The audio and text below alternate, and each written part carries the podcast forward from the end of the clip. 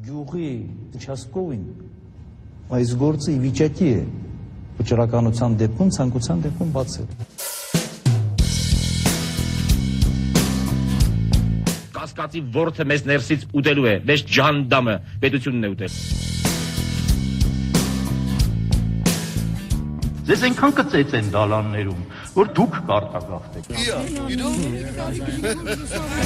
Երրորդ հանրապետության գոյության ընթացքում հայ-թուրքական հարաբերությունների կարգավորման ամենահեռուն գնացած գործընթացը, որ պատմության մեջ մնաց որպես ֆուտբոլային դիվանագիտություն, մեկնարկեց մի պահի, երբ Երևանի եւ Անկարայի միջև ակտիվ շփումները գործնականում բացակայում էին 2005-ի գարնանը։ 2000-ականների սկզբին արտգործնախարարներ Օսկանյանի եւ Գյուլի միջև տեղի ունեցած խոստումնալից հանդիպումներն այլևս անցյալում էին Հայաստանն ու Սփյուռքը պատրաստվում էին նշել հայոց ցեղասպանության 90-ամյակն, ինչն ակնհայտորեն նյարդայնացնում էր պաշտոնական Անկարային։ Թուրքական իշխանությունները շարունակում էին պնդել, որ 1915 թվականին տեղի ունեցածը ցեղասպանություն չէր, որ առաջին համաշխարհային պատերազմի ընթացքում Օսմանյան կայսրությունում տեղի ունեցած իրադարձությունները դրանցից 9 տասնամյակ անց քաղաքական գործիք են դարձել երրորդ պետությունների ձեռքում նախ եւ առաջ Թուրքիայի ինտեգրումը եվրոպական կառույցներին խոչընդոտելու համար։ Դա էր պատճառը, որ շատերի համար կատարյալ անակնկալ դարձավ, երբ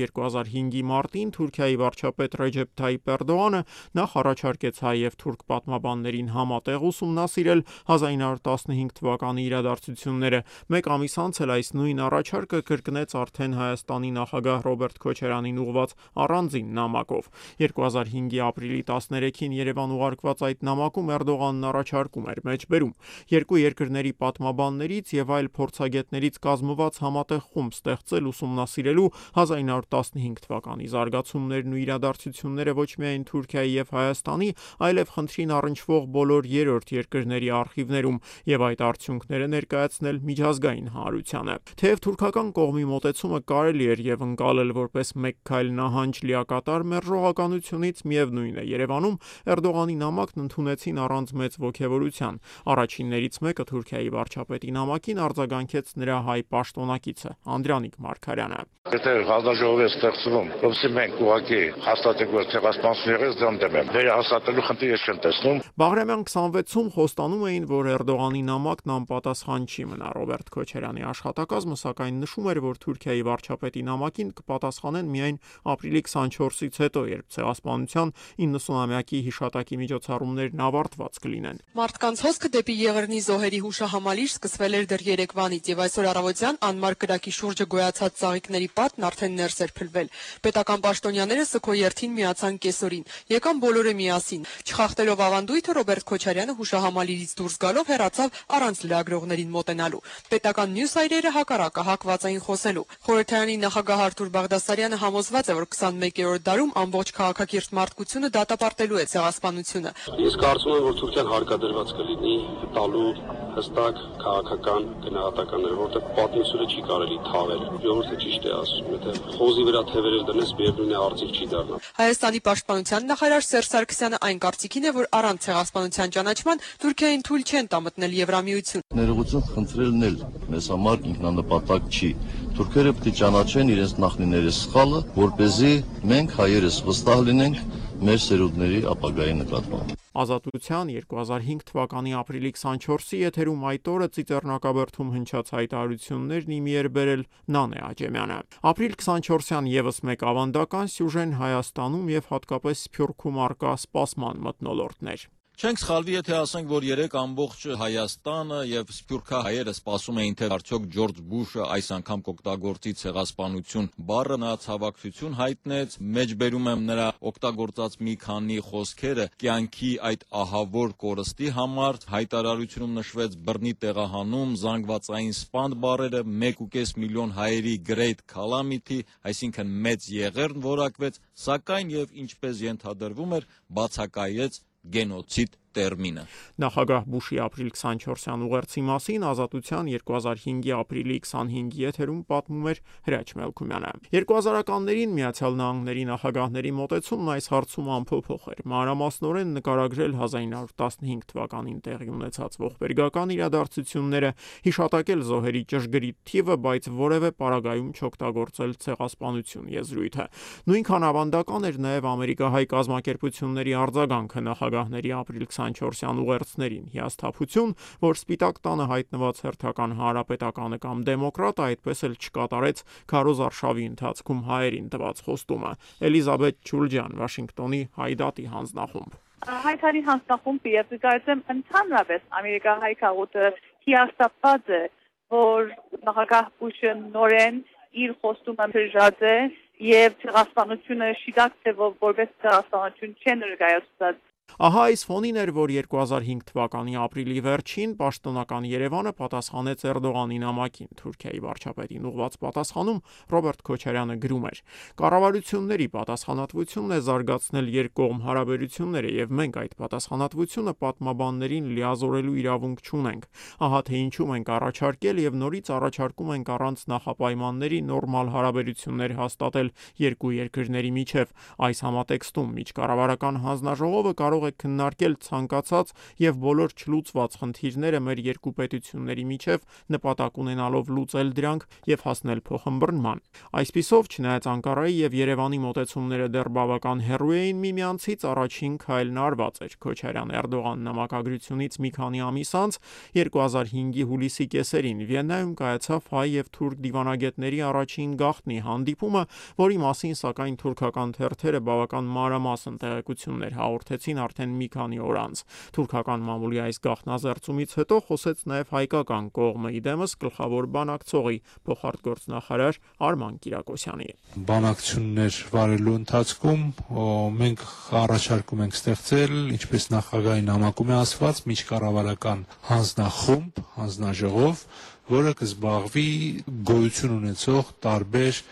խնդիրների լուծմանը Մենք պատրաստ ենք դիվանագիտական հարաբերություններ հաստատելու առանց նախապայմանների եւ սահմանը բացելու կարող է դա սկսվել տարբեր փոքր եւ միջին միջոցառումներից, սահմանի բացման ռեժիմի փոքր էլեմենտներ հաստատելուց եւ կիրառելուց, բայց պետք է ասել, որ առ այսօր որևէ որևէ առաջ խաղացում այս հարցում չկա։ Հայ-թուրքական բանակցությունները շարունակվում էին մի իրավիճակում, երբ հանրային տրամադրությունները նախ եւ առաջ Թուրքիայում սկսել էին փոխվել։ 2000-ականների կեսերին Թուրքիայի քաղաքական, լրագրողական, մշակութային շրջանակներում հայոց ցեղասպանության մասին խոսելն այլևս տաբու չէր, բայց շարունակում էր վտանգավոր մնալ։ Այս առումով ամենացայտունը թուրք հայտնի արձակագիր Օրհան Փամուկի շուրջ ծավալված աղմկոտ պատմությունն էր 2005-ի փետրվարին շվեյցարական թերթերից մեկին տված հարցազրույցում Փամուկը բառացիորեն ասել էր. Թուրքիայում 1 միլիոն հայեր եւ 30 հազար քրդեր են սպանվել, սակայն որևէ մեկ այդ մասին խոսել չի հանդգնում։ Հարցազրույցի հրապարակումից քիչ անց գրողի դեմ քրեական գործ հարուցվեց Թուրքիայի քրեական օրենսգրքի 301-րդ հոդվածի հատկանիշներով, Օրհան Փամուկին մեղադրում էին թուրքական ինքնությունը ոտնահարելու մեջ, դրան էլ գումարած ազգայնական շրջանակներից նրա հասցեին սկսեցին սպառնալիքներ հնչել։ Ու թեև գրողի դեմ հարուցված այս գործը կարճվեց առաջին իսկ դատական նիստից հետո, Փամուկը ստիպված էր մի քանի տարով լքել հայրենի Ստամբուլը որպես դասախոս աշխատանքի անցնելով ամերիկյան հեղինակավոր կրթական հաստատություններից մեկում Կոլումբիայի համալսարանում եւ հենց այստեղ Նյու Յորքում էր, որ 2006-ի աշնանը Փամուկը տեղեկացավ իր կյանքի ամենակարևոր իրադարձություններից մեկի մասին։ Nobelpriset i litteratur tilldelas den turkiske författaren Orhan Pamuk. Փամուկը առաջին թուրքն էր, որ երբևիցե արժանանում էր Նոբելյան մրցանակի։ Թուրքիայում սակայն դա մեծ ցնծության առիթ չդարձավ։ Ազգայնականները վստահ էին Շվեդիայի Թագավորական ակադեմիան Փամուկին այս հեղինակավոր մրցանակը շնորհել է ոչ այնքան գրական գործնեության, որքան քաղաքական հայտարարությունների համար։ Փամուկին Նոբելյան մրցանակ շնորհելուն բավական զուսպ արձագանքեցին նաև թուրքական իշխանությունները։ Վարչապետ Էրդողանը արձակագրին շնորհավորական ուղեր ցղեց ժամեր տևած քար լռությունից հետո Թուրքիայի պետական հերոստատեսությունը մինչև վարչապետի շնորհավորական ուղերձի հրապարակումը անգամ չէր էլ համարցակվել իր ունկնդիրներին տեղեկացնել, որ գրականության ասպարեզում 2006 թվականի Նոբելյան մրցանակի դափնեկիրն իրենց հայրենակիցն է։ Նման զսպվածության պատճառն ինչ որտեղ օրինաչափ էր արժևում նախագահական եւ խորհրդարանական ընտրություններ էին եւ Էրդողանի կառավարությունը որևէ ցանկություն չուներ Փամուկի մեծարմամբ իր դեմ տրամադրել ոչ ազգայնական ընտրազանգվածին եւ ոչ էլ բանակային հրամանատարությանը, որի հետ իսլամիստները փաստացի սառը պատերազմի մեջ էին։ Ներքաղաքական իրավիճակն էր պատճառը, որ 2006-ին երկրում մի քանի տարի բավական ակտիվորեն շարունակված բարեփոխումներից հետո մտնոլորտը սկսեց փոխվել։ Առաջիններից մեկն ի դեպ դա նկատեց Ստամբուլում լույս տեսնող Ակոս թերթի խմբագիր Հրանտ Տինքը։ Ժողովրդավարականացման շարժումի մեջ գրեթե դեղ քայլրավ նույնիսկ քիչ ավելի յետ կնած նամանավանց խոսքի ազատության նկատմամբ եւ զանազան կրողներ մամուլի անդամներ ինչպես անոնց մեջ ես գամ եւ մի, մի քանի տադերով գամ մեծ դժվարություններ ունեցանք երկրի մեջ եւ Անապարատ դժվարություններ հիմա պիտի շարունակվին եւ 2007 թվականին ավելի ծանր բիդլա Սա Հրան Դինքի վերջին հարցազրույցներից մեկն էր ազատության եթերում այն հերարցակվեց 2007-ի հունվարի 3-ին դրանից ընդամենը 16 օր անց Դինքը սպանվեց Ստամբուլի կենտրոնում Ակոսի խմբագրության մուտքի մոտ Ըստ վերջին հաղորդագրությունների Հրան Դինքի վրա կրակել է 18 կամ 19 տարեկան մի երիտասարդ ազգությունը չի նշվում հարցակվողը կրակել է Դինքի վրա 3 անգամ երկու անգամ գլխի Արցախին։ Դինքը տեղում մահացել է ստացած վերքերից։ Թուրքական հերոստակայանները ընդհատել են իրենց օրվա ծրագրերը եւ այժմ շարունակաբար հաղորդում են Հրան Դինկի սպանության մասին։ Քիչ առաջ մենք կապվեցինք Ստամբուլում հրատարակվող Մարմարա թերթի խմբագիր Ռոբեր Հատեճյանի հետ։ Իդեպ Հրան Դինկը իր լրագրողական գործունեությունը սկսել է հենց Մարմարայից։ Գրնամ ասել, որ արյունս սարած է, այդքան ցնցված եմ, որովհետև այսպեսի նյութը մեր պաշտոնագեսին գլխուն մեր բոլորին դրված հարված մնա։ Ազատության 2007 թվականի հունվարի 19-ի եթերում Հրանդինքի սպանության առաջին մանրամասներն ու դրան հետևած արձագանքները ներկայացնում էր Հրայր Թամրազյանը։ Սպանությունից մի քանի օր անց դրա անմիջական հեղինակը 17-ամյա Օգյուն Սամաստը կձերբակալվի, հետագայում սակայն պաշտոնական հետաքննությունը կպարզի, որ Դինքի սպանությունը ճյուղավորված մի դավադրության մաս էր, որին մասնակցում էին նաև ոստիկանության եւ անվտանգության ուժերի գործող եւ պաշտոնաթող աշխատակիցներ։ Թվում էր, թե Դինքի սպանությունը մահացու հարված կլինի երկու երկրների եւ ժողովուրդների միջև հարաբերությունների կարգավորման ուղղությամբ ձեռնարկվող ջանքերին։ Այդ օրերին միջազգային մամուլում նույնիսկ կարծիք էր հնչում, թե Դինքի սպանության նպատակներից մեկը թուրքական ազատական առավել լայնախոհ շրջանակներին ահաբեկելն ու լռեցնելն էր։ Իրականում սակայն տեղի ունեցավ հակառակը 2007-ի հունվարի 23-ին Դինքի հուղարկավորության օրը տասնյակ հազարավոր մարդիկ դուրս եկան Ստամբուլի փողոցներ Ակոսի խմբագրին վերջին հրաժեշտը տալու համար։ Այդ օրը Ստամբուլում էր նաև ազատության թղթակից Ռուբեն Մելոյանը։ Ուրեմն շուրջ 100 հազար ստամբուլցիներ են այսօր հավաքվել Ակոս թերթի խմբագրատան մոտ հրաժեշտի իրենց տուքը մատուցելու մի քանի առաջ սպանված նրան դինքին։ Իդեպ հատուկ Հայաստանից ժամանել էր պատվիրակություն, որը գլխավորում էր Հայաստանի փոխարտգործնախարար Արման Կիրակոսյանը, որը մեծ հետ զրույցում ասաց, թե իր ժամանելու մասին որոշում բառացիորեն 3 է կայացվել փոխադրոստնախարարը նաև ասաց թե Դինքը իր կյանքը նվիրել է ոչ միայն Թուրքիայի հասարակության զարգացմանը եւ դրա ժողովրդավարացմանը, այլև հայ-թուրքական հարաբերությունների բարելավմանը։ Հայ-թուրքական հարաբերությունների կարգավորման գործընթացը նոր թափ հավաքեց Դինքի սպանությունից մոտ կես տարի անց 2007-ի ամռանը։ Երկար տարիներ ամերիկյան պետքարտուղարությունում հայ-թուրքական հաշտեցման նոված ջանքերը համակարգած Դեյվիդ Ֆիլիպսի պնդմամբ հենց 2007-ի ամռանն էր, որ հայ-թուրքական հաշտեցման գործընթացում որպես միջնորդ ներգրավվեց Շվեյցարիայի կառավարությունը հանրությունը։ Համադաշնության արտգործնախարար Միշլին Քալմիրեի հանձնարարությամբ շվեյցարացի դիվանագետներից մեկը այցելեց Անկարա եւ Երևան, կողմերից առաջին փոխադարձ զիջումները կորզելով ըստ Ֆիլիպսի, այս այցի ընթացքում էր, որ Հայաստանի արտգործնախարար Վարդան Օսկանյանն առաջարկեց, որ เป զի թուրքական կողմի գլխավոր պահանջը պատմաբանների հանձնաժողովի ձևավորումը կյանքի կոչվի երկկողմ հարաբերությունների կարգավորմանը զուգահեռ Անկարայում այս առաջարկը փաստորեն ընդունել էին համաձայնելով ընդլայնել բանակցային օրակարգը օրենքը, դրանում ընդգրկելով նաև սահմանների բացման ու փոխադարձ ճանաչման, ինչպես նաև դիվանագիտական հարաբերությունների հաստատման հարցերը։ 2007-ի հոկտեմբերի սկզբին Նյու Յորքում կայացավ Օսկանյանի եւ Թուրքիայի նորանշանակ արտգործնախարար Ալի Բաբաջանի առաջին հանդիպումը։ Բաբաջանը Թուրքիայի դիվանագիտական գերատեսչության ղեկավարությունը ստանձնել էր դրանից բառացիորեն մի քանի օր առաջ Վարդան Օսկանյանի վաղեմի բանակցային գործընկեր Աբդուլլա Գյուլի նախագահ ընտրվելուց հետո։ Գյուլը դարձավ թուրքական հանրապետության առաջին իսլամիստ նախագահը, որն ի դեպ այդ պաշտոնը ստանձնեց միայն երկրորդ փորձից զինված ուժերի եւ աշխարհիկ շրջանակների կոշտ հակազդեցության պայմաններում։ Իսկ Հայաստանում նախագահական ընտրարշավը դեռ նոր պետք է մեկնարկեր եւ տրամաբանությունը հուշում էր, որ արտաքին քաղաքական հարցերը հայկական ղեկավարության համար գոնե առժամանակ մղվելու են երկրորդ պլան։ Ընդհանուր առմամբ հենց այդպես էլ եղավ, իսկ հայ-թուրքական հարաբերություններին առնչվող հիմնական զարգացումները տեղափոխվեցին օվկիանոսից այն կողմ։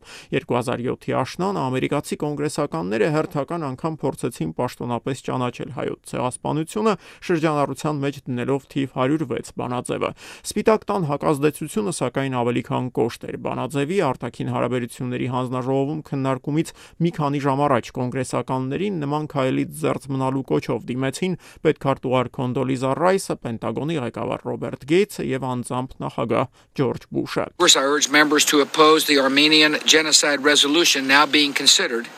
by the House Foreign Affairs Committee. Ամերիկյան վարչակազմի այս մոտեցումը թեև տհաճ էր, սակայն հասկանալի։ Պատերազմը Իրաքում շարունակվում էր եւ այնտեղ տեղակայված ամերիկյան զորքերի օթային մատակարարումների 70%-ը անցնում էր Թուրքիայի տարածքով։ Բացի այդ, Վաշինգտոնում մտավախություն կար, որ ցեղասպանությունը ճանաչող բանաձևը կարող է խաթարել Հայաստանի եւ Թուրքիայի հարաբերությունների կարգավորման նոր-նոր մեկնարկող գործընթացը։ Այս մասին կոնգրեսականներին ուղված նամակում բաց տեքստով գրել էին Միացյալ Նահանգների 8 նախկին պետքարտուղարներ, որոնց թվում էին Հենրի Քիսինջերը, Մադլեն Օլբրայթը, Քոլին Փաուելը եւ Ջեյմս Բեյքերը։ Ու թեև ներկայացուցիչների տան արտաքին հարաբերությունների հանձնաժողովում թիվ 106 բանաձևը հավանության արժանացավ, կոնգրեսի լիագումար նիստերի օրակարգում այն այդպես էլ չընդգրկվեց։ Հայ-թուրքական բանակցություններն ակտիվացան 2008-ի գարնանը Հայաստանում փետրվարին կայացած եւ համատարած կեղծիքներով ուղեկցված նախագահական ընտրություններից եւ 10 մարդու կյանք խլած մարտի 1-յան ողբերգությունից հետո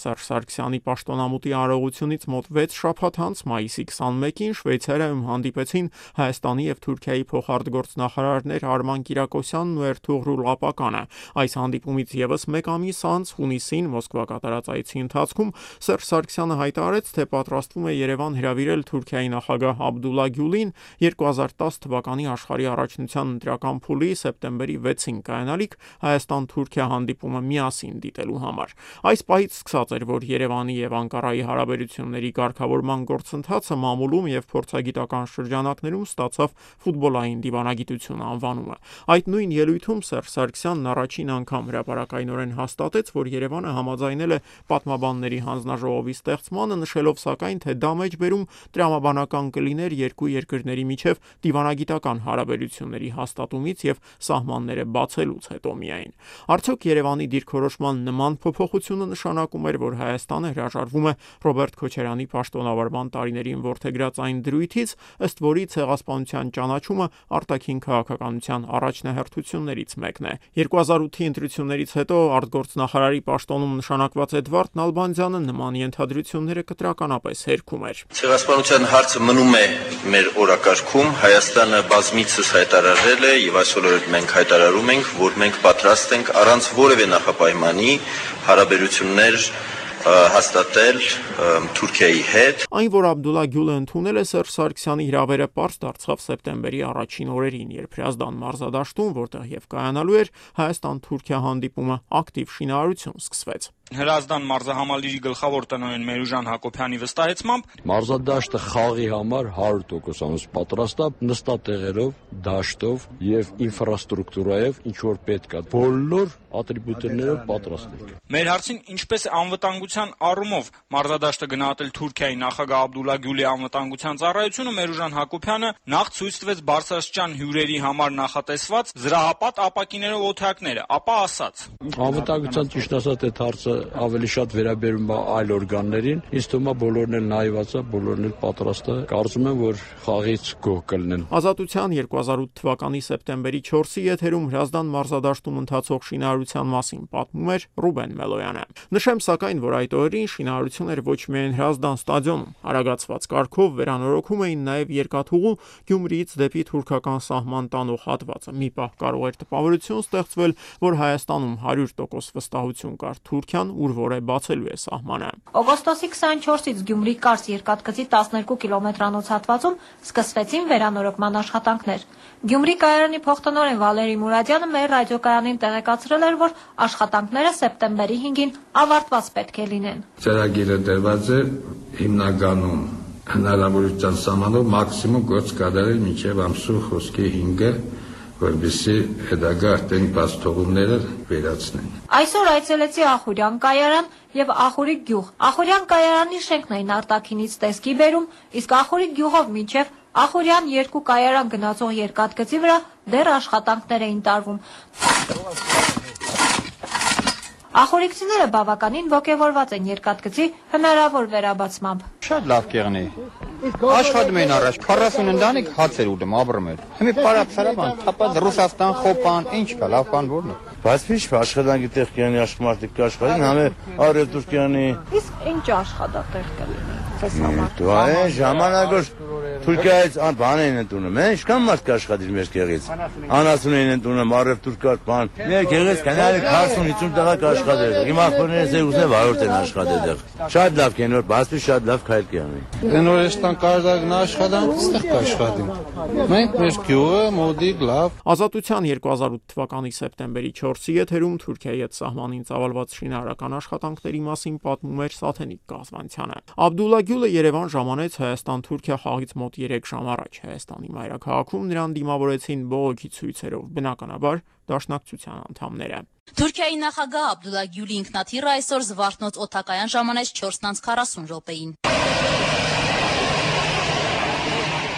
Թուրքիայի նախագահին ողջունելու համար ինքնաթիռին մոտեցավ Հայաստանի արտգործնախարար Էդվարդ Նալբանդյանը։ Աբդուլլա Գյուլը ինքնաթիռից դուրս եկավ մի փոքր ուշացումով, որից հետո Գյուլն ու Նալբանդյանը ջերմ ողջունեցին միմյանց։ Այնուհետև Գյուլը նստեց թուրքական պետհամարինշով Mercedes Magnus-ի մեքենան եւ անվտանգության աշխատակիցների ուղեկցությամբ շարժվեց դեպի Երևան։ Նշենք, որ հայ հեղափոխական դաշնակցության նախաձեռնած ցույցի մասնակիցները այդ ընթացքում ցուցապաստառներով կանգնած էին դեպի օթակայան տանող ճանապարհին սակայն դաշնակցականների գլխավոր ակցիան նախատեսվում էր Բաղրամյան պողոտայում, որտեղ պետք է կենթանի շղթա կազմվեր եւ այդ կերպ ակցիայի մասնակիցները իրենց բողոքի ձայնը հասցնեին Թուրքիայի նախագահին։ Սակայն Աբդուլլա Գյուլը եւ նրան ուղեկցող հայ պաշտոնյաները օթակայանից անմիջապես նախագահի նստավայր չէին ժամանել։ Այս հանգամանքը հարուցել էր դաշնակցականների զայրույթը, ինչի արդյունքում ցույցի մասնակիցները մայթերից դուրս են եկել Բաղրամյան պողոտա եւ գրեթե փակել էին ճանապարհը։ Ոստիկանության բարձրաստիճան պաշտոնյաները փորձում էին ակցիայի մասնակիցներին ետ մղել, սակայն ՀՅԴ բյուրոյի անդամ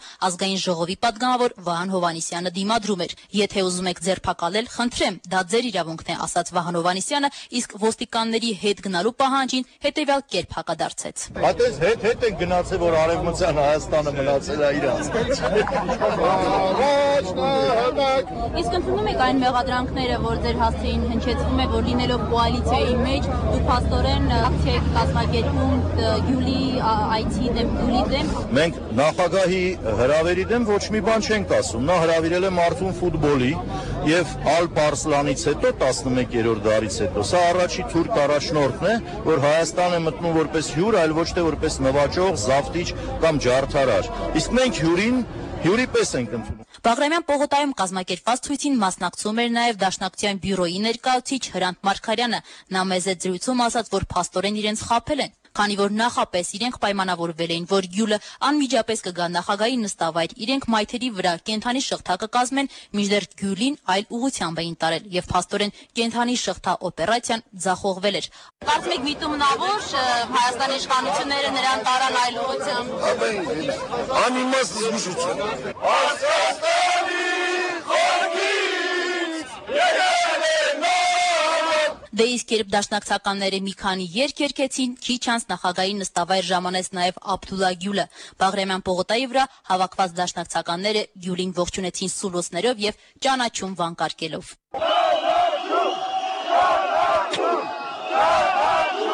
Գյուր Սարգսյան հանդիպումից հետո նախագահի նստավայրում նախատեսվում է նաև աշխատանքային ճաշ, որից անմիջապես հետո Թուրքիայի եւ Հայաստանի նախագահները կմեկնեն Հրազդան մարզադաշտ Հայաստան-Թուրքիա ֆուտբոլային խաղը դիտելու։ Նշենք, որ այդ ընթացքում դաշնակցականները պատրաստվում են մեկնել Ծիծեռնակաբերդ, որտեղ ջահերով մնալու են ողջ խաղի ընթացքում։ Ազատության 2008 թվականի սեպտեմբերի 6-ի եթերում Գյուլիայցի մասին պատմում էր Ռոզաննա Ստեփանյանը։ Դաշնակցականների ջահերը սակայն Հայաստանի հավաքականին առանձնապես չօգնեցին ազգային ընտրանին թուրքերին պարտվեց 0-2 հաշվով։ Այդ օրն ի դեպ Հայաստանի հավաքականը դաշտ դուրս եկավ մարզաշապիկներով, որոնց վրա Արարատ լեռը պատկերված չէր։ Խաղից առաջ Հայաստանի ֆուտբոլի ֆեդերացիան փոխել էր իր տարբերանշանը, լոգոն դրանից հեռացնելով Արարատ սարը։ Այս քայլի հետևանքով ցակած սկանդալն այնպիսի հնչեղություն ստացավ, որ ֆեդերացիայի ղեկավարությունը եւ անձամբ դրա նախագահ Ռուբեն Հայրապետյանը ստիպված էին հրապարակային բարձաբանումներով հանդես գալ։ Հայաստանի ֆուտբոլի ֆեդերացիան շուտով կունենա նոր զինանշան, որի վրա Արարատ լեռան պատկերը անպայման լինելու է։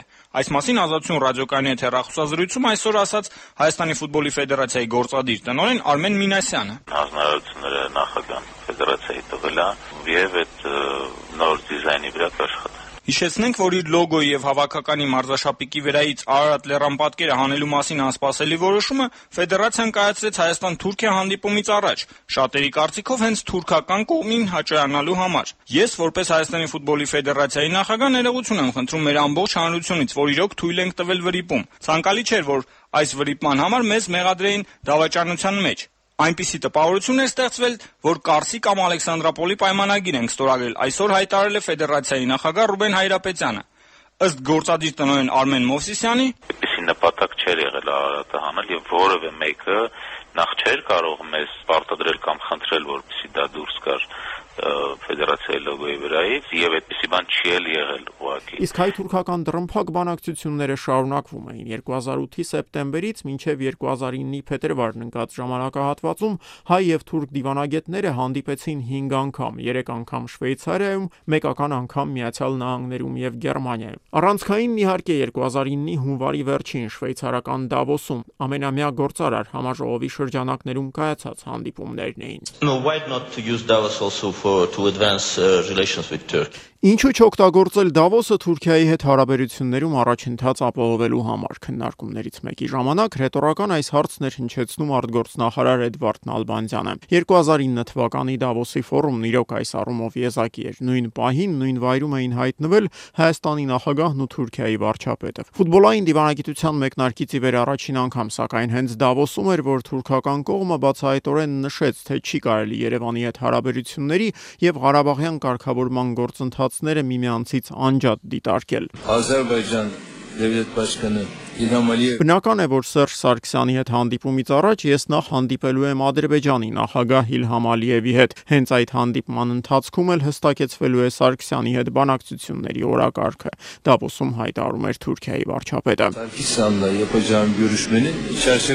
Թուրքական կառավարության ղեկավարի այս հայտարարությունը Դավոսում գտնվող Ալիևը կարող էր որպես փոքրիկ, բայց շատ խորհրդանշական դիվանագիտական հաղթանակ ընկալել։ Թուրքական կողմը Բաքվի տեսակետը հաշվի առնելու հրապարակային խոստ մտքում էր հնչեցնում մի իրավիճակում, երբ Հայաստանի հետ հարաբերությունների կարգավորման գործընթացում ակնհայտ առաջընթաց էր նշмарվել։ 2009-ի սկզբին, սակայն ադրբեջանական կողմի ճնշումը դեռ այնքան ուժեղ չէր, որ ստիպեր Անկարային վերանայել Հայաստանի հետ հարաբերությունները կարգավորելու ողջ գործընթացը։ Ապրիլի 22-ի ուշ երեկոյան Հայաստանի, Թուրքիայի եւ Միջնորդ պետության Շվեյցարիայի արտգործնախարարությունները հանդես եկան համատեղ հայտարարությամբ, պաշտոնապես հաստատելով հարաբերությունների կարգավորման գործընթացը ընթացում արձանագրված առաջընթացի արկայությունը եւ նշելով համատեղ ջանքերով մշակված ճանապարհային քարտեզի գոյության մասին։ Ինչպես եւ սպասելի էր այս հայտարարությանն ամենակոշտն արձագանքեցին դաշնակցականները։ Ապրիլի 27-ին Երակոմ հայտարարության հրապարակումից 5 օր անց կուսակցությունը հայտարարեց իշխող կոալիցիայից դուրս գալու մասին, պնդելով թե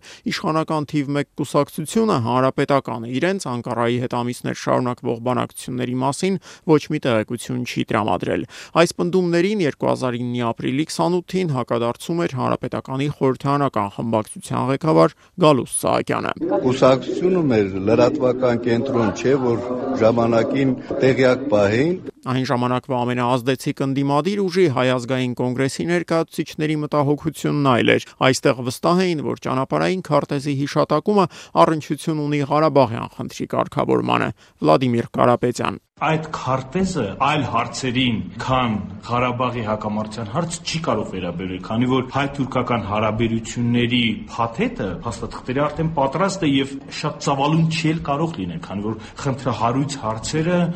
հայտնի են եւ 2-3 էջի մեջ կարող են տեղավորվել։ Չնայած հնչող քննադատությանը 2009-ի ամռանը Երևանն ու Անկարան շարունակում էին վերջնական տեսքի բերել հարաբերությունների կարգավորման ուղղված փաստաթղթերը։ Հայ-թուրքական հարաբերությունների երկկողմ զարգացման եւ Հայաստանի եւ Թուրքիայի միջև դիվանագիտական հարաբերությունների հաստատման մասին փաստաթղթերի ամբողջական տեքստերը հրապարակվեցին 2009-ի օգոստոսի 31-ին։ Երևանն ու Անկարան պարտավորվում էին բացել ընդհանուր սահմանը, դիվանագիտական հարաբերություններ հաստատել, նաև միջկառավարական հանձնաժողով ստեղծել, որի ենթահանձնաժողովներից մեկը պետք է զբաղվեր այսպես կոչված պատմական հարթությամբ, մեջբերում պատմական փաստաթղթերի եւ արխիվների անկողմնակալ գիտական ուսումնասիրության միջոցով գոյություն ունեցող խնդիրների հստակեցման ու առաջարկների ձևակերպման համար։ Սա փաստորեն պատմաբանների այն հանձնաժողովն էր, որի ստեղծման առաջարկով Էրդողանը հանդես էր եկել դեռ 2005-ի գարնանը։ Հրապարակված արձանագրություններով նաև նախատեսվում էր, որ հայ-թուրքական սահմանը պետք է բացվի փաստաթղթերի ուժի մեջ մտնելուց երկու ամսվա ընթացքում, իսկ դրանք ուժի մեջ պետք է մտնեին Հայաստանի եւ Թուրքիայի խորհրդարաններում վավերացվելուց հետո։ Սա ի դեպ առաջին դեպքն էր, երբ Հայաստանը որևէ պետության հետ դիվանագիտական հարաբերություններ հաստատելու փաստաթուղթը պատրաստվում էր ստորագրել հետագա վավերացման պայմանով։ Հայաստանը դիվանագիտական հարաբերություններ է հաստատել մոտ 140 երկրների հետ, բոլորի հետ առանձին առանձին ստորագրել է նման արձանագրություն եւ դրանցից եւ ոչ մեկը չի վավերացվել։ Ֆորմատը վավերացման անհասկանալի է եւ դա հնարավորություն է տալիս ձգձգելու այդ արձանագրության ուժի մեջ մտնելու պահը։ Այսինքն նորից պատանդի կարգավիճակում պահել հայ-թուրքական հարաբերությունները, սпасելով թե երբ կկարգավորվի Լեռնային Ղարաբաղի խնդիրը։ Նախկին արտգործնախարար Ալեքսանդր Արզումանյանի 2009-ի սեպտեմբերի 1-ին հնչեցրած այս պնդումները սկսեցին հաստատվել դրանից ընդամենը 40 օր անց, երբ հայ-թուրքական արձանագրությունների ստորագրման Ցյուրիխի համալսարանում կազմակերպված արարողությունը հայտնվեց տապալման եզրին։ Արարողությունից հաշված րոպեներ առաջ, երբ դրան մասնակցելու նպատակով արդեն իսկ Շվեյցարիայում էին գտնվում Միացյալ Նահանգների պետքարտուղար Հիլարի Քլինթոնը, Ռուսաստանի եւ Ֆրանսիայի արտգործնախարարները Եվրամիության արտաքին հարաբերությունների պատասխանատու Խավիեր Սոլանան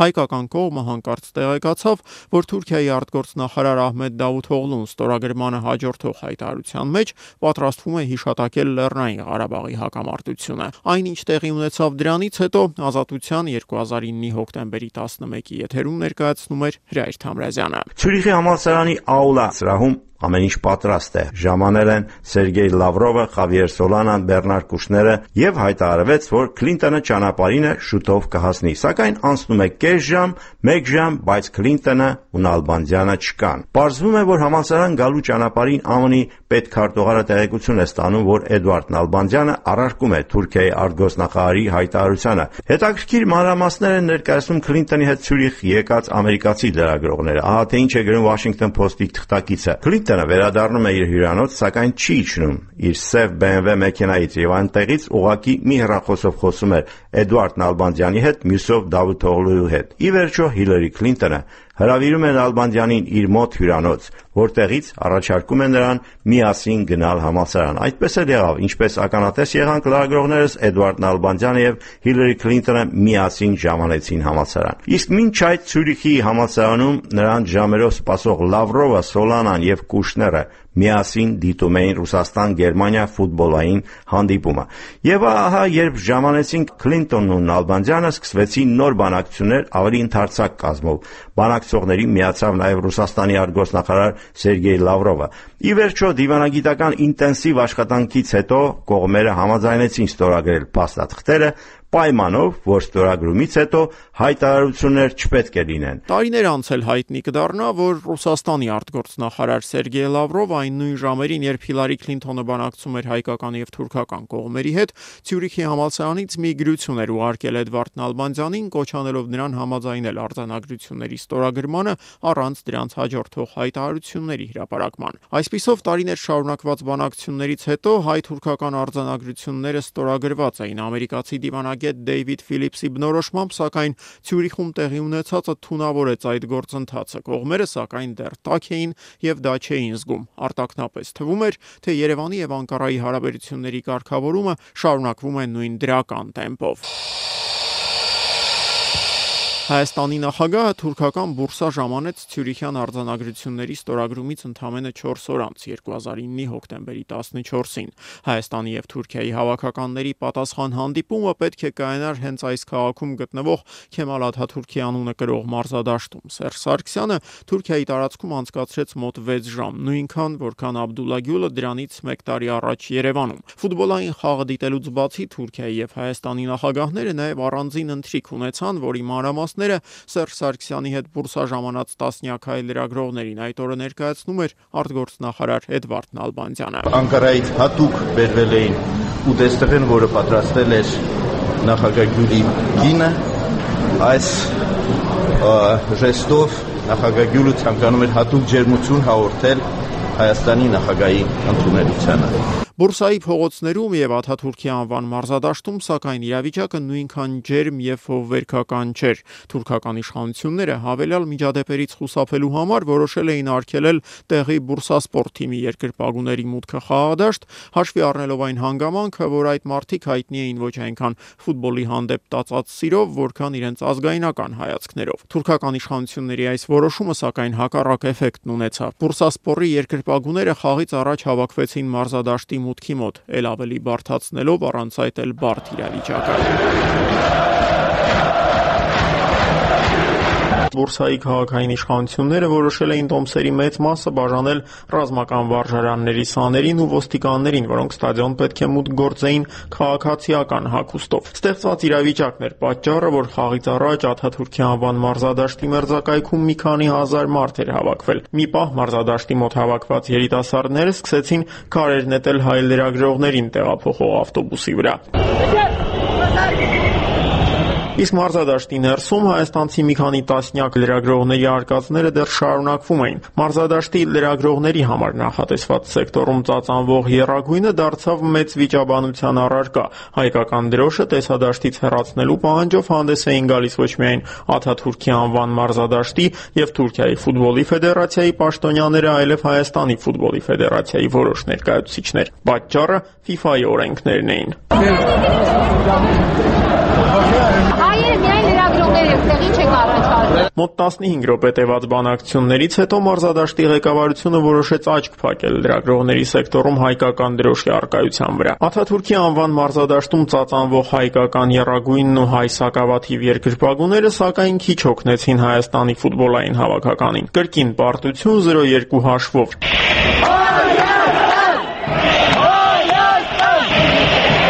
Դրոշների հետ կապված իրական սկանդալը սակայն Բաքվի եւ Անկարայի միջև էր։ Բանն այն է, որ Բուրսայում կայանալիք ֆուտբոլային հանդիպումից մի քանի օր առաջ թուրքական ազգայնական մի շարք կազմակերպություններ հայտարարել էին, թե իրենց աջակիցները խաղի ժամանակ մուտք են գործելու մարզադաշտ 15000 ադրբեջանական դրոշ ծածանելով եւ այդպիսով բողոքելով Հայաստանի հետ հարաբերությունների կարգավորման դեմ։ Խաղի ընթացքում սակայն տրիբունաներում ադրբեջանական դրոշներ գրեթե չկային։ Միայն մի քանի օր անց հայտնի դարձավ, որ Բուրսայի ոստիկանությունը խաղից առաջ խուզարկել է ստադիոն մուտք գործող անխտիր բոլոր երկրպագուներին տասնյակ ադրբեջանական դրոշներ արգրավելով։ Լրատվամիջոցներում հայտնված լուսանկարներում երևում էր, որ թուրք ոստիկանները արգրավված այդ դրոշները կամ գետնին են նետել, կամ էլ աղբամանների մեջ։ Ադրբեջանական դրոշների հանդեպ նման վերաբերմունքն այն ֆորմալ առիթն էր, որ Բաքվին թուրքական կողմի վերջին 1 տարվա գործողություններից դժգոհելու լեգիտիմ առիթ ընձեռեց։ Բուրսայի սկանդալից մի քանի օր անց հայտնի դարձավ, որ ադրբեջանական իշխանությունները արտագաղթությունները հերացրել են Ղարաբաղյան պատերազմի զոհերի պանթեոնում, այսպես կոչված շեհիդների ծառուղում տեղադրված բոլոր թուրքական դրոշները։ Թուրք-ադրբեջանական դրոշային ճգնաժամը տևեց մի քանի շաբաթ, հանգուցալուծվելով միայն հոկտեմբերի վերջին Թուրքիայի արտգործնախարարի պաշտոնական ներողություններից եւ Բուրսայի ոստիկանական վարչության մի շարք աշխատակիցների պաշտոնանկությունից հետո։ Առաջին հայացքից աննշան թվացող այս դրվագը սակայն շրջադարձային էր իր կտրուկ արձագանքով Ադրբեջանը Անկարային հստակորեն ցույց տվեց իր իրական վերաբերմունքը հայ-թուրքական կարգավորման գործընթացին եւ ինչը թերևս ավելի կարեւոր էր հնարավոր հետևանքները։ Ըստ ամենայնի Ադրբեջանը վերջնականապես կորցնելու վախներ պատճառը, որ արձանագրությունների ստորագրումից շաբաթներ անց թուրքական կողմը սկսեց ավելի ու ավելի հաճախ խոսել Լեռնային Ղարաբաղի խնդրի կարգավորման անհրաժեշտության մասին։ Սրանի պատասխան Հայաստանի արտգործնախարար Էդվարդ Նալբանդյանը ստիպված էր հիշեցնել, որ Ցյուրիխում ստորագրված երկու արձանագրություններից եւ ոչ մեկում Ղարաբաղի մասին որևէ հիշատակում չկա։ In two protocols there are no preconditions and there are nothing any linkage to Karabakh problem. Թուրքական ուժեղացող ճնշման ֆոնին Հայաստանի կառավարությունը հայ-թուրքական արձանագրություններն ուղարկեց սահմանադրական դատարան երկրի հիմնական օրենքին փաստաթղթերի համապատասխանությունը հստակեցնելու համար։ Հայաստանի Հանրապետության սահմանադրական դատարանը որոշել Հայաստանի Հանրապետության եւ Թուրքիայի Հանրապետության միջև դիվանագիտական հարաբերություններ հաստատելու մասին եւ Հայաստանի Հանրապետության եւ Թուրքիայի Հանրապետության միջև հարաբերությունների զարգացման մասին արձանագրություններում ամրագրված պարտավորությունները համապատասխանում են Հայաստանի Հանրապետության սահմանադրությանը Նշենք, որ սահմանադրական դատարանը թեև իր որոշման մեջ վերապահումներ չարեց, սակայն նշեց, որ հայ-թուրքական արձանագրություններով ստանձնվող փոխադարձ պարտավորությունները միջազգային իրավունքի սկզբունքներին համապատասխան ունեն բացառապես երկկողմանի միջպետական բնույթ եւ չեն կարող վերաբերել եւ տարաբնույթ հղումներով վերագրվել որևէ երրորդ կողմի կամ վերջինիս հետ սույն արձանագրությունները ստորագրած կողմերի փոխհարաբերություններին։ Բացի այդ, հիշյալ արձանագրություններում ստանձնվող երկու կոնկրետ պարտավորությունները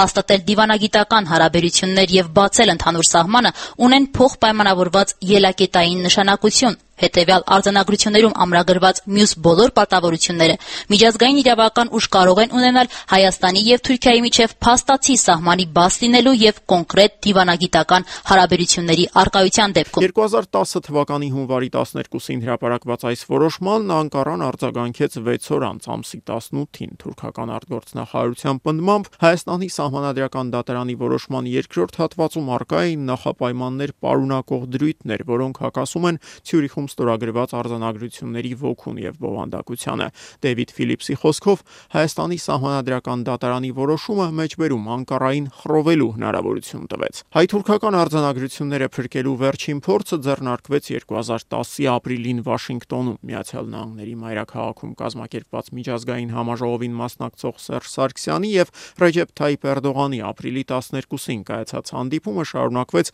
ավելի քան 1 ժամ։ Այն, որ բանակցություններն անարդյունք են եղել, եղել, པարզ դարձավ արդեն հաջորդ օրը, երբ Հայաստանի նախագահն ու Թուրքիայի վարչապետը Վաշինգտոնում կազմակերպված երկու տարբեր միջոցառումների ժամանակ հարկամարեցին անդրադառնալ երկկողմ հարաբերությունների կարգավորմանը դրամագծորեն հակառակ դիրքերից։ Մենք չենք պատրաստվում որևէ ձևաչափում քննության առարկա դարձնել ցեղասպանության եղելության փաստը կամ ձևացնել, թե հավատում ենք, որ Թուրքիան կարող է որևէ դրական դերակատարություն ունենալ Ղարաբաղի հիմնախնդրի կարգավորման բանակցային գործընթացում։ Այն նույն պահին, երբ Սերժ Սարգսյանը ելույթ էր ունենում Վաշինգտոնի մայր տաճարում Վուդրո Վիլսոնի գերեզման այցելությունից հետո, Ռեջեփ Թայիպ Էրդողանը Ջորջ Մեյսոն համալսարանում էր, որտեղ կրկին Երևանին եւ հայկական Սփյուռքին կոչ արեց զերծ մնալ ցեղասպանության ճանաչման միջազգային նոր արշավից։ Tarihin parlamentolarda yargılanması hiç kimsenin yararına değildir. Պատմությունը խորհրդարաններում չի գրվում եւ խորհրդարանները չէ որ պետք է դատապարտեն պատմական իրադարձությունները։ Տարբեր երկրների խորհրդարաններում կայացված որոշումները Հայաստանին որևէ օգուտ չեն տա 2010 թվականի ապրիլի 13-ին հայտարարում էր Ռեջեփ Թայիպ Էրդողանը։ Ermenistan'ın asla ve asla yararına değildir. Կանցնի եւս 10 օր եւ Հայաստանի իշխանությունները կհայտարարեն հայ-թուրքական արձանագրությունների վավերացման ընթացակարգը արժամանակ կասեցնելու մասին։ Այս քայլն ազդարող Սերժ Սարգսյանի հերոստաուերցը հերարցակվեց Հայաստանի, Թուրքիայի եւ Շվեյցարիայի արտգործնախարարությունների հայտնի հայտարարությունից ուղիղ 1 տարի անց 2010 թվականի ապրիլի 23-ին։ Մենք վճռել ենք առայժմ դուրս չգալ գործընթացից, այլ միայն կասեցնել արձանագրությունների վավերացման ընթացակարգը։ Վստահ եմ, Սա է պահանջում մեր ազգային շահը։ Հետագա տարիներին հայ-թուրքական հարաբերություններն անշեղորեն դեպի փակուղի էին մղվում, ինչին նպաստում էին նաև տարածաշրջանային բուրըն զարգացումները։ Հայոց ցեղասպանության 100-ամյակն ու դրա միջազգային արձագանքը 2016-ի ապրիլյան պատերազմը Բաքվի ու Անկարայի քաղաքական եւ տնտեսական կապերի աննախադեպ սերտացում։ Սրանք ընդամենը մի քանիսն էին այն գործոններից, որ հայ-թուրքական հարաբերությունների կարգավորման գործընթացը վերջնականապես դուրս բերեցին թե Հայաստան Հայաստանի եւ թե Թուրքիայի արտաքին քաղաքական օրակարգերից։ Արձանագրությունների մահվան դանդաղ այս process-ի փաստացի վերջակետն էլ դրվեց 2018-ի գարնանն այն բանից հետո, երբ Երևանում հրավիրված անվտանգության խորհրդի նիստի ժամանակ Սերժ Սարգսյանը ազդարարեց հայ-թուրքական արձանագրությունների կնքման ընթացակարգը դադարեցնելու մասին։ Անցած 9 տարիների ընթացքում Անկարան վերադառնալով իր անհիմն նախապայմաններին ոչ միայն որևէ քայլ չարեց արձանագրությունները վավերացնելու արձանագրությունները ուժի մեջ մտնելու համար, այլև որևէ կասկած չթողեց, որ նա չի պատրաստվում այդ գործընթացը իրականացնել։ Հայ-թուրքական հաշտեցման գործընթացը, որի պաշտոնական մեկնարկը տրվել էր Սերժ Սարգսյանի իշխանության գալուց ընդամենը 2 ամիս անց, վերջնականապես ավարտված ճանաչվեց 2018-ի մարտի 1-ին։ Այդ օրը սակայն դեռ որևէ մեկը չէր էլ կռահում, որ ավարտին է մոտենում նաև պատմության կողմից Սերժ Սարգսյանի իշխանությանը հատկացված ժամկետը։ Սերժ Սարգսյանի հրաժարականին մնում էր ընդամենը 54 օր։ Գյուղի Չասկովին այս գործը ի վիճակի է վճռականության դեպքում, ցանկության դեպքում բացել։ Կասկածի ворթը մեզ ներսից ուտելու է, մեզ ջանդամը պետությունն է ուտել։ Ձեզ այնքան կծեց են դալաններում, որ դուք կարտագաղթեք։ Իա, իրո՞։